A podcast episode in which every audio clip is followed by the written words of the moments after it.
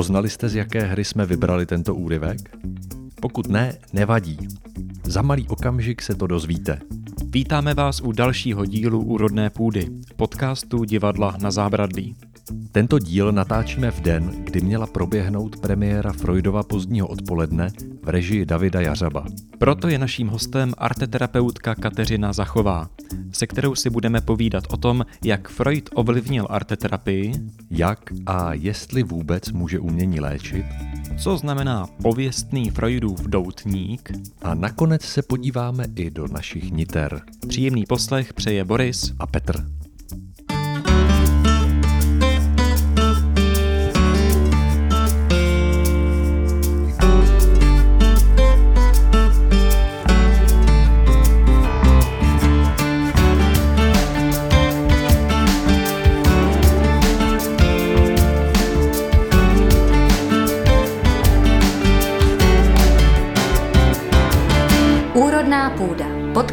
Divadla na zábradlí. Takže já jsem vám vzala barvičky, štětce, kelímky na vodu. Druhý, co jsem vzala, jsou pastelky. A ty pastelky mají mít hodně barev. Takže já nevím, jestli jste někdy viděli takovýhle pastelky. Možná To ani jsem asi neuvidíte. neviděl takovýhle pastelky. Já jsem takové pastelky taky neviděl teda. A tady si můžete vybrat opravdu z veliký škály. A teď existuje takový testík barevný, o kterým pak se můžeme domlouvat, do jaký míry jako je validní nebo ne, který spočívá v tom, že si vezmete takhle papír bílej, obyčejný a vaším úkolem bude na ten papír udělat pět puntíků. Jeden puntík do prostředka a čtyři puntíky do rohu. Jo. Asi tak zhruba o velikosti mince. To je další věc, co se tam jako dělá. Tak můžeme tak dělat pár jdete do puntíků. toho? Tak teda? pojď, pojďme začít puntíkama Je to určitě. takový hodně neetický, protože vlastně tady budete teď odhalovat svoje nitro. No. A já to budu vlastně vám říkat. Ne, tak my Mě, když... mě napadlo, když jako jsme na půdě divadla, Hmm. jestli musíme odhalovat svoje nitro, jestli jako nemůžu se vyjadřovat třeba za nějakou postavu divadelní. Je to možný nebo Ne. není to možný? Klidně to můžete tak udělat. To je na vás. Tak jo, tak ty si... Každý já- z nás si vezme nějaký charakter. Tak jo, tak my se domluvíme. Tak no. jo, tak já jdu za dveře. Teda. Co jsi měl teda vymyšlenýho ty? Já jsem myslel, že Mariša. Jo, jo,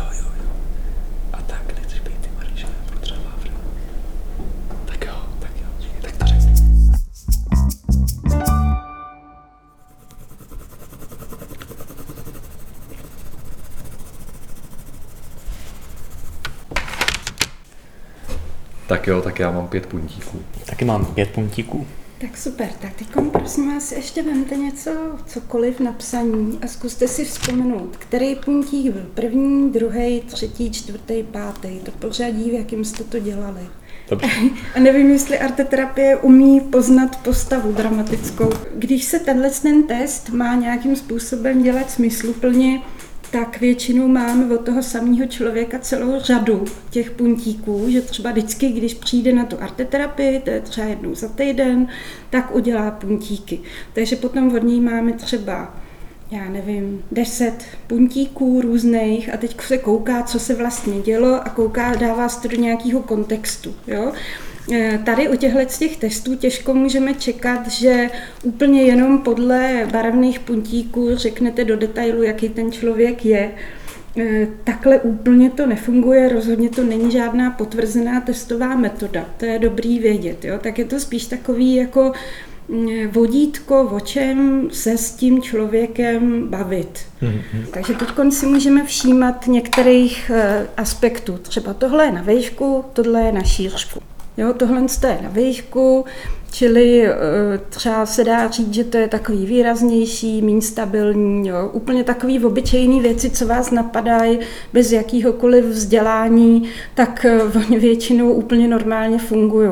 Že já tady asi nebudu říkat, co co znamená, aby potom všichni si neřekli, já, já mám na sobě tuhle barvu a proto jsem takový, jo, nebo on má na sobě tohle a proto je takový, je to taky trochu nebezpečný a trochu to k tomu svádí. Ale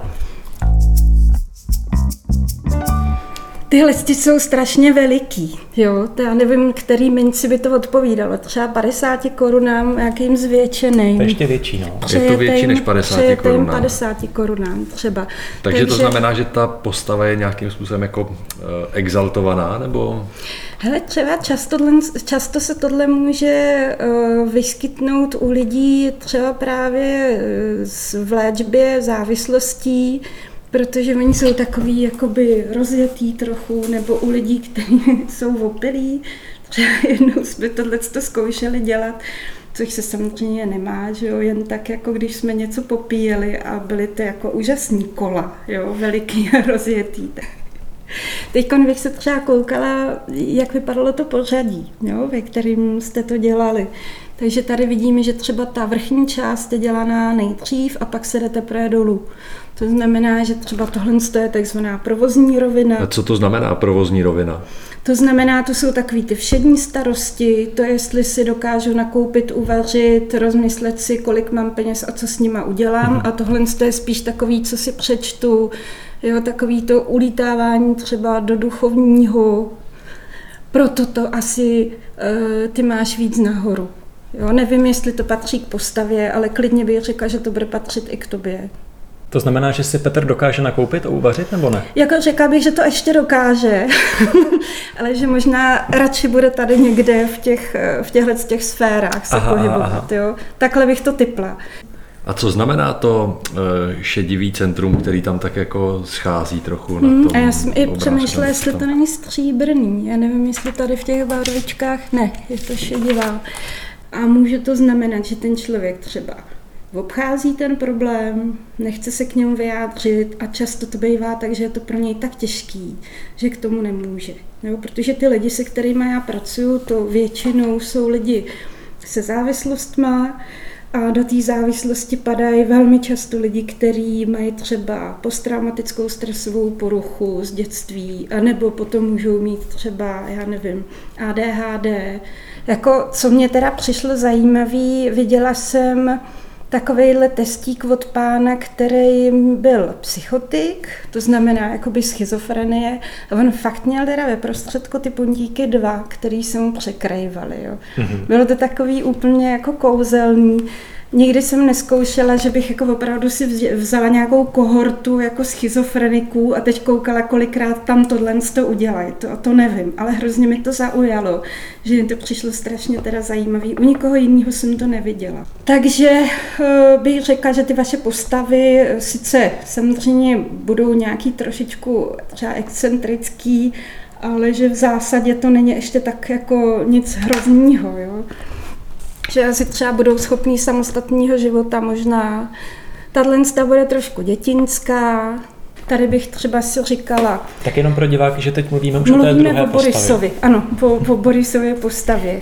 Řekla bych, že Borisova postava bude mít trochu tendenci asi k nějakému smutku, depresi, to se jako nedá z tomu úplně jako přesně říct. Potom bych se ptala na to, jak to má s nějakýma ženama kolem sebe, třeba s matkou, jestli tam je nějaká, nějaký pnutí, jakým způsobem to má třeba v komunikaci s druhýma lidma, jestli třeba už není nějaký unavený z nějakých vztahů. Mm-hmm. Jo. Rozhado! Schoř a chytrý jako kocor. Však té pasti nebyl naposled. Jak je dopadnu, zastřelím jako zvěř a tebe běhno, tebe dočubám, tak ti dočubám, až z tebe tu říšnou dušu vypráská. Čím spíš, tím líp. jakým způsobem se doplňují. Možná, že jo, řekla bych, že tam budou mít problémy v komunikaci, že třeba ten tvůj člověk nebude zralej. Tak se odpovídá? Tak se mluví k mužovi? Jak říkám, já to teda nepoužívám, protože se bojím přesně takového toho momentu, ve kterém jsme mluvili, že jakmile někomu strčíte papír a řeknete mu nakresli puntíky, tak on se hned zasekne. Že jo? Mm-hmm. A já potřebuju spíš, aby on se sklidnil, aby si to užil, Rozhado! aby prostě mohl rozvíjet nějakou kreativitu, emoce. A tohle jde proti tomu, v tom mém pojetí. Ale mm-hmm. protože se bavíme o Freudovi, tak opravdu tahle škola vychází z Freuda. Mm-hmm. Jo? Jo, tak jenom, aby, aby bylo jasno, že tohle je spíš taková jako zajímavost jak se na to dá taky jít, tyhle tendence byly spíš v druhé polovině minulého století. Jo, že se myslelo, že teda tohle se bude dělat, že něco někdo nakreslí, my to odečteme a bude to normálně vlastně projektivní test, jako jakýkoliv jiný. Jako jsou třeba bound testy, Rorschach a, hmm. a pak jsou TAT, že jo, to jsou takový ty jako opravdu kodifikované testy, ale ani tyhle testy nemají Eh, zase tak strašně velikou výpovědní hodnotu jako sami o sobě. Vždycky strašně záleží na tom člověku, který to dělá a který to interpretuje. Hmm. A chceš teda ještě si typnout, o jaké dvě postavy, už jsme prozradili, že jsou manželé, o jaké dvě postavy jde? Já nechci zkoušení a testy. Ne, ne, ne, ne to není zkoušení, jenom můžeme ti to buď prozradit, no, nebo si můžeš typnout, jestli chceš. No tak je to Mariša s Vávrou. Aha, to je zajímavý. Posloucháte Úrodnou půdu, podcast Divadla na zábradlí. Tenhle ten rozhovor natáčíme v den plánované premiéry Freudova pozdního odpoledne a mě by zajímalo, jaký vztah má arteterapie v tvém podání k Freudovi. Tak moje uh, podání arteterapie vychází vlastně z několika zdrojů. Uh, jedno je Budějovická uh, arteterapie, která je vyučovaná na pedagogické fakultě jeho České univerzity a ta vlastně z toho Freuda nějakým způsobem vychází a dokonce se k němu hlásí.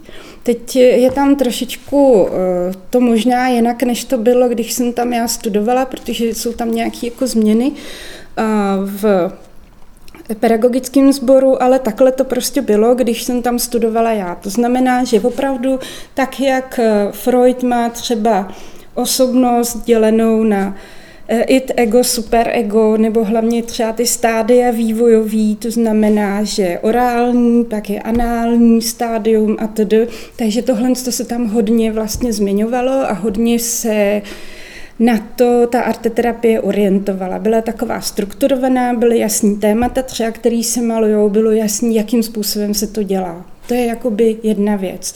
Druhá věc je, že já mám pětiletý výcvik ve skupinové arteterapii Surácké, kde třeba pro mě eh, hodně důležitá osoba byla Beate Albrich, která je v té komunitě arteterapeutický hodně známá a ta na to jde vlastně z úplně opačné strany.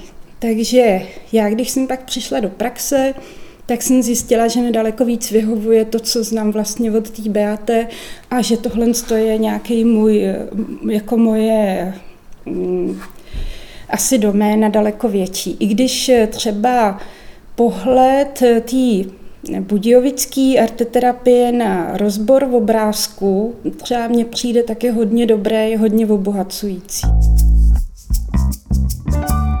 Když jsme plánovali tvůj workshop v rámci úrodné půdy, tak jsme přemýšleli nad názvem Léčit malbou.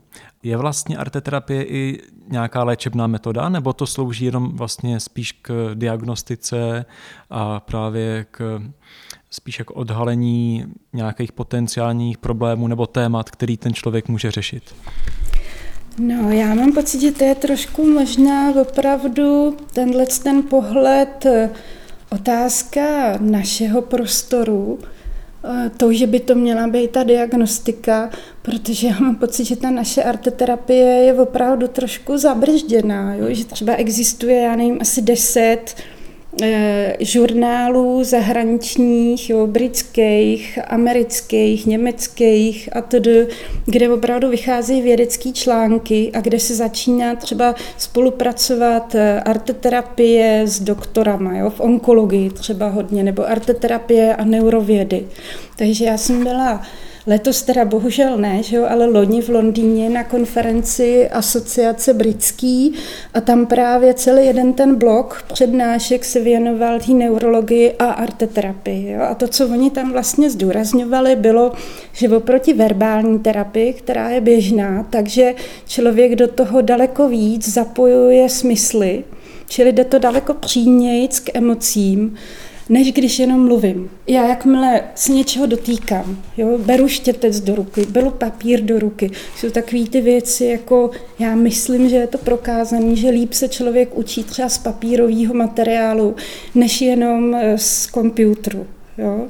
protože na to šahá, protože k tomu máme nějaký vlastně vztah jo, i jiný, než jenom vizuální. Mě by zajímala ještě ta role tebe jako toho vedoucího nebo interpreta, protože ten rozhovor děláme v době, kdy vlastně vláda navrhuje lidem, aby se co nejméně setkávali. Existuje v arteterapii nějaká možnost, řekněme, jako samoléčby, toho, že by vlastně člověk dostal nějaký zadání, něco nakreslil a následně nějaký interpretační klíč třeba? Je nějaký takový postup, který by posluchači mohli uh, ve volné chvíli teď uh, si zkusit? Já myslím, že je úplně zbytečný tam mít interpretační klíč. Jo.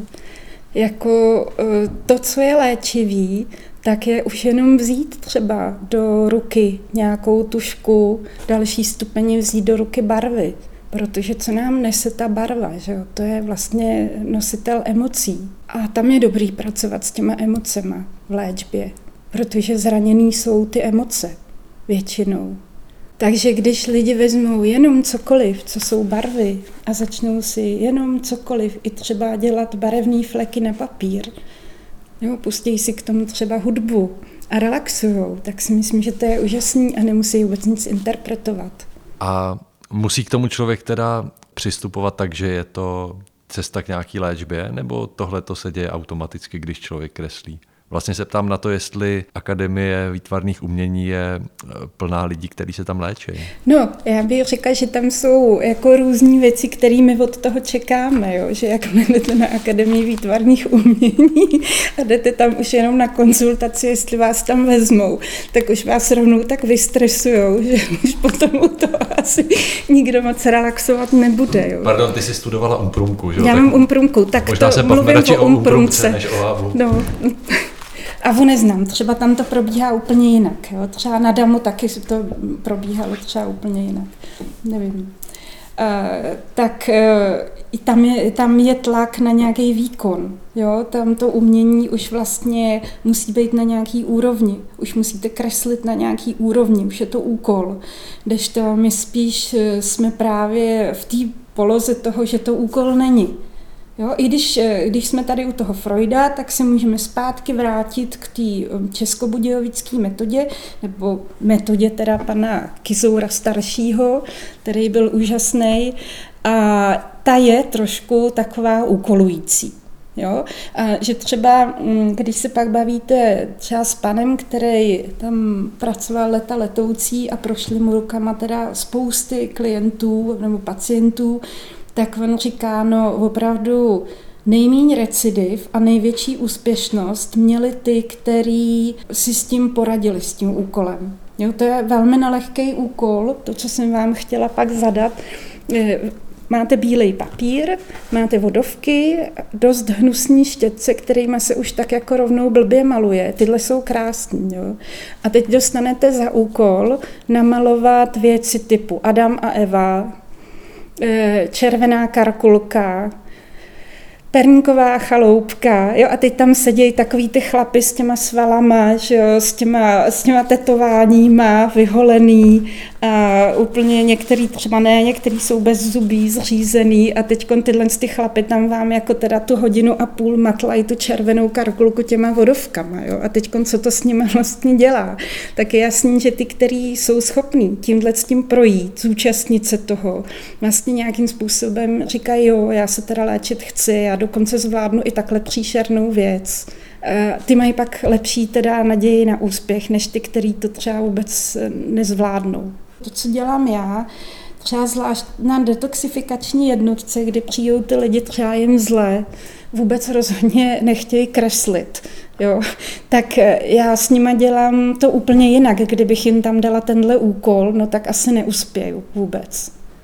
A oni se bojí, bojí se té interpretace, říkají, no já tady něco jako paní terapeutkou dělám a vy pak mě třeba odsaď úplně vyhodíte, protože zjistíte, že jsem takovej a takovej a takovej.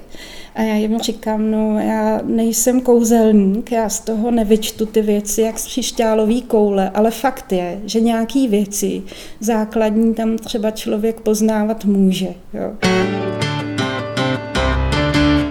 to moje téma, který bylo to moje oblíbené, bylo to loutkový divadlo. a tam právě je to takový koncentrovaný návrat do dětství. Jo, protože to loutkový divadlo eh, většina lidí má spojený s dětma, s dětstvím, a s něčím, co, co je vlastně třeba, já nevím, školní, předškol, raně školní, předškolní, s tímhle s tím věkem. A tam to zadání vypadá jak teda, když vychází z loutkového divadla v arteterapii, tak, tak co kreslej? Tak na to já tady ukážu, ukážu posluchačům poster.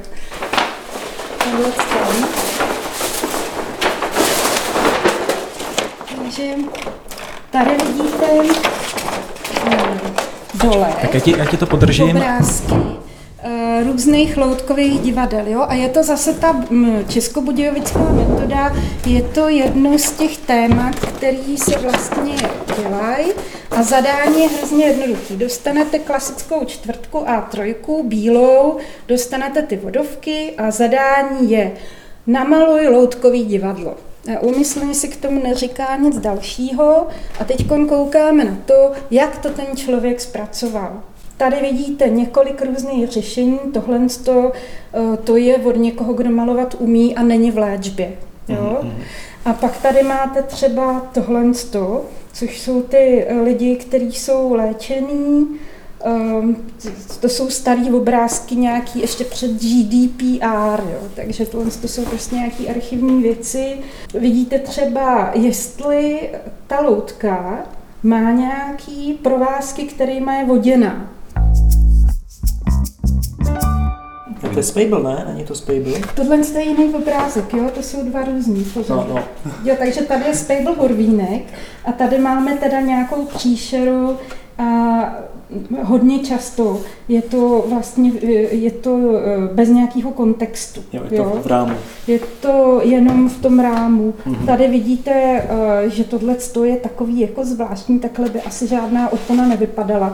Vypadá to skoro jak nějaký střeva, jako tak skoro až organicky to vypadá. Jo? Vypadá to jako kdyby ten kašpárek vylezl ze zadku někomu trochu. Přesně tak, já jsem to nechtěla úplně, anebo ještě odněkat jinak, jo. Eh, nechtěla jsem to tak úplně říkat. Tady vidíte, jak chudák teda ten vodič je vláčený tou loutkou. Jo. jo, zde vidíme, jak malý hošík eh, animuje obřího robota. No, no, no. Potom tady vidíte tohle, že najednou ta opona končí tady. Jo. A co je to opona? To je vlastně nějaký zakrývání, odkrývání, tak co odkrývá, proč to teda nezakrývá, jo? Tahle opona by prostě nefungovala. Takže pak si na to koukáme takovýmhle způsobem. A já jsem se, jo a tady tohle to vidíte, jo, Eh, vůbec nevím, co to je za scénku, ale tohle třeba vypadá fakt jak injekční stříkačka. Hýhe, Taťuldo, a tohle na tom obrázku, to jsi ty v tom pruhovaném triku? Správně, to je tvůj otec v mohutném rozpuku své mladosti. To jsem měl klenutá prsa, co? Měl, ale dovnitř. Zjistila jsem, že když ty lidi nakreslejí něco nebo namalují něco jiného než marionetu, takže většinou to má nějaký důvod. Vy třeba tohle, že jo, tady marionety nejsou, to jsou spodové loutky. A zjistila jsem, že třeba tady u tohohle z toho člověka uh, vypadal v obrázek zážitek z dětství, jako kdyby tam vysela loutka a byla to nějaká situace, kdy dítě objevilo oběšenýho rodi- jednoho z rodičů. Jo. Mm-hmm. Takže potom ono prostě nekreslí, nebo v dospělosti uh, on nekreslí marionetu, ale dělá nějaký jiný typ loutky. Vždycky to, nebo vždycky, že jo, vždycky tady neexistuje, ale jako je to taková indicie, že se člověk může ptát, čím to vlastně je. Mm. Protože v našem prostoru, jakmile se řekne loutka, tak 99,9% kromě loutkářů si představí marionetu. Ale je, zase bychom tady zaběhli do něčeho velmi interpretačního a nechci, aby ta arteterapie vypadala jako interpretace, jo? ale tohle to vlastně takový je, ta metoda je taková.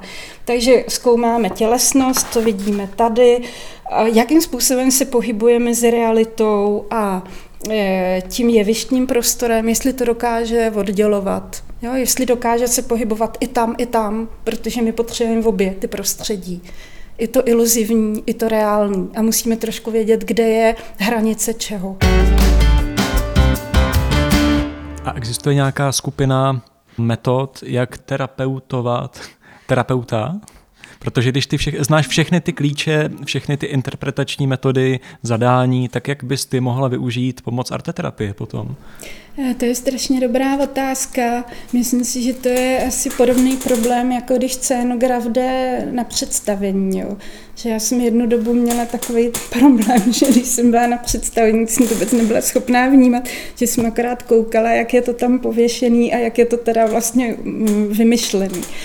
A Jednak teda, co je strašně důležitý, že každý terapeut musí mít supervizi. Takže samozřejmě arteterapeut má taky supervizora. A teď jde o to, jestli teda má supervizora verbálně, to znamená, jestli si třeba bude fakt jenom povídat, anebo jestli má supervizora, který ho nechá něco dělat. Takže já jsem furt ještě ve výcviku, tentokrát teda dramaterapeutickým a tam je taky vlastně složka arteterapeutická a já jsem strašně spokojená s tím. Hrozně si to užívám, protože konečně jsem se smířila po těch letech toho stresu. Já mám i holarku, takže to bylo od mých nějakých 13 let, kdy jakmile člověk čárnul tuškou na papír, tak vždycky do to, za to dostal buď to sprděna, nebo, nebo prostě nějaký hodnocení, že je to dobrý nebo blbý, nebo já nevím jaký, a pak známku a pak já nevím co. Tak teď jsem konečně dospěla eh, po těch letech k tomu, že fakt se do toho můžu položit. Ještě furt si to trochu kontroluji, jestli je to dost pěkný a jestli jsem s tím dost spokojená. To jsem se ještě nezbavila, jo, ale uh, určitě jo, určitě se to dá. Mě teda ještě hrozně zajímá, jakým způsobem a jestli je teda umělec nebo nějakého osobnost jakoby otisklá v díle. Nedávno vyšla kniha Jana Nováka s názvem Kundera, kde on se snaží na mnoha místech vlastně interpretovat Kunderovo, řekněme já nebo Nitro, nevím jak přesně to nazvat, prostě Kunderu na základě jeho románu a postav v jeho textech. Můžeme arteterapii chápat tak, že vlastně legitimizuje tenhle ten přístup k interpretaci díla a člověka v něm? No ale určitě nějakým způsobem se ten člověk v tom díle samozřejmě otiskne. To by asi jinak nešlo, že jo? protože to, co dělá to dílo, tak pro mě je to nějaký prostředník mezi tím člověkem, který to dělá, třeba to výtvarný nebo asi jakýkoliv, a divákem. Ale vždycky je tam nějaká část stylizace, je to estetický objekt, má to úplně jiný cíl, že jo, tohle taky taková osoba Šíleho, který maluje hrozně anorektický postavy, tak je otázka, jestli teda nutně on musel být opravdu psychicky nemocný a jestli teda nutně musel být těžký anorektik, do jaký míry je to jenom teda nějaká stylizace. Jo? A že to nejsou, nejsou to testové metody. Jo? Umělecký dílo není, není prostě test takže co z toho vyčíst? Zas když někdo bude mít divoký barvy a ostrý třeba hrany, tak bych řekla, že to nějakou takovouhle energii ten člověk mít bude. Ale už bych asi nedokázala podle toho říct, jestli zavraždil třeba sestřenici. Jo? To, to už asi bych se do toho nepouštěla. Když jsme u Freuda, tak Freud tam má takzvanou sublimaci. Jo, a vidí to vlastně v tom uměleckém díle to, tu sublimaci. To znamená, jasně, já bych nejradši zavraždil babičku, tchýni, no tak napíšu, jak někdo zavraždí někoho. A já si z toho vypíšu jo, a mám od toho pokoj a můžu jít klidně k tchýni na bábovku a usmívat se na ní jo, a být na ní hodný a pak jí dojít na nákup a pak jí třeba schrabat listí na zahradě. V čem ty spatřuješ limity toho freudovského přístupu? Tam asi nejde o Freuda, jo, o, o freudovský. A tam jde o to, jakým způsobem třeba eh, je postavená tahle ta metoda, že skutečně člověk dostane většinou strašně mizerný barvičky, ještě s horším štětcem a úplně hnusným papírem a teď se snaží tam něco namalovat podle konkrétních zadání a je to těžký. Jo. Nakonec se k tomu možná tady nedostaneme, ale jako zkuste si, tak klidně já vám dám ty barvičky a můžeme si u toho povídat, jo. ale eh, zkuste si namalovat výjev z červeným karkulky, jo. to fakt není sranda. Ale já vám řeknu třeba šest, sedm těch témat a vy si můžete vybrat, jaký z nich chcete. Mm-hmm. Takže jedno je Adam Eva, druhý je Perníková chaloupka, Šípková růženka, Mořská pana, jo, potom Ledová královna je téma, pak je Já partner a jeden z rodičů. No dobrá, tak, tak já už mám vybráno. Co ty, Petře? Já asi šáhnu do nějaký klasiky teda. Já to vidím na perníkovou chaloupku. No. Tak jo, tak já jdu na mořskou panu. Bábo, neláme nám někdo střechu? I spí, dětku, nikdy ani slechu. Ale Jeníček to dlouho nevydržel. Šup a uloupl si kousek z komína. Tak jo, tak, tak na to, kterým, zač, kterým začneme. Tak máme tady Ježibabu, perníkovou chaloupku a na druhém obrázku máme mořskou panu. Ona má fousy, ta mořská pana. Ona nakonec dostala knír trošku nezáměrně, ale na příštím sezení to vylepším. Takže proč tam teda místo mořský pany má vlastně na začátku fousatýho chlapa, jako na té lodi? No a rozhodně bychom se tady krásně s Freudem, bychom se rozhodně věnovali tam tomu rybářskému prutu. Tak já bych ještě řekla, že se bavíme o freudovském doutníku, to znamená, že panáček, který drží eh, nahoru teda ten prut, se kterého dolů teče nějaká šňůra, na kterou on chytá jako rybičku. chytá rybičku. Mhm. Jasně, tak tohle to vypadá, já nevím, jak... Uh, jenom pro posluchače, teď se přesouváme od Borisovy mořské pany s fousem k mému obrázku perníkové chaloupky. Mhm. No, jo. Tak jako zajímavě je tenhle ten objekt, což je takový jako velmi teda sexuální, jo. Ta pec, můžete ji popsat, jak vypadá. Tak já ji popíšu. Uh, je to, řekněme, krbová vložka, Vypadá jako krbová, krbová Je to krbová vložka, ve které hoří oheň, který jsem znázornil červenou barvou a před touto krbovou vložkou leží tedy uh, noha. Vypadá ta krbová vložka jako taková jeskyňka, která je uvnitř červená. Hm?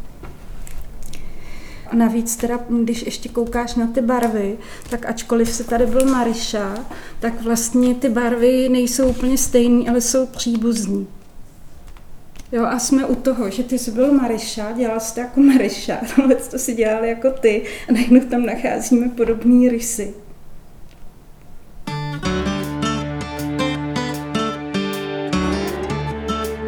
Poslouchali jste Úrodnou půdu. Vstávej se, Mínko Holalka, bude z tebe fialka.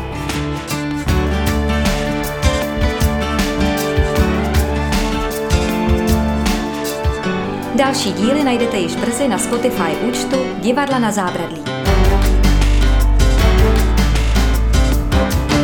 Naslyšenou.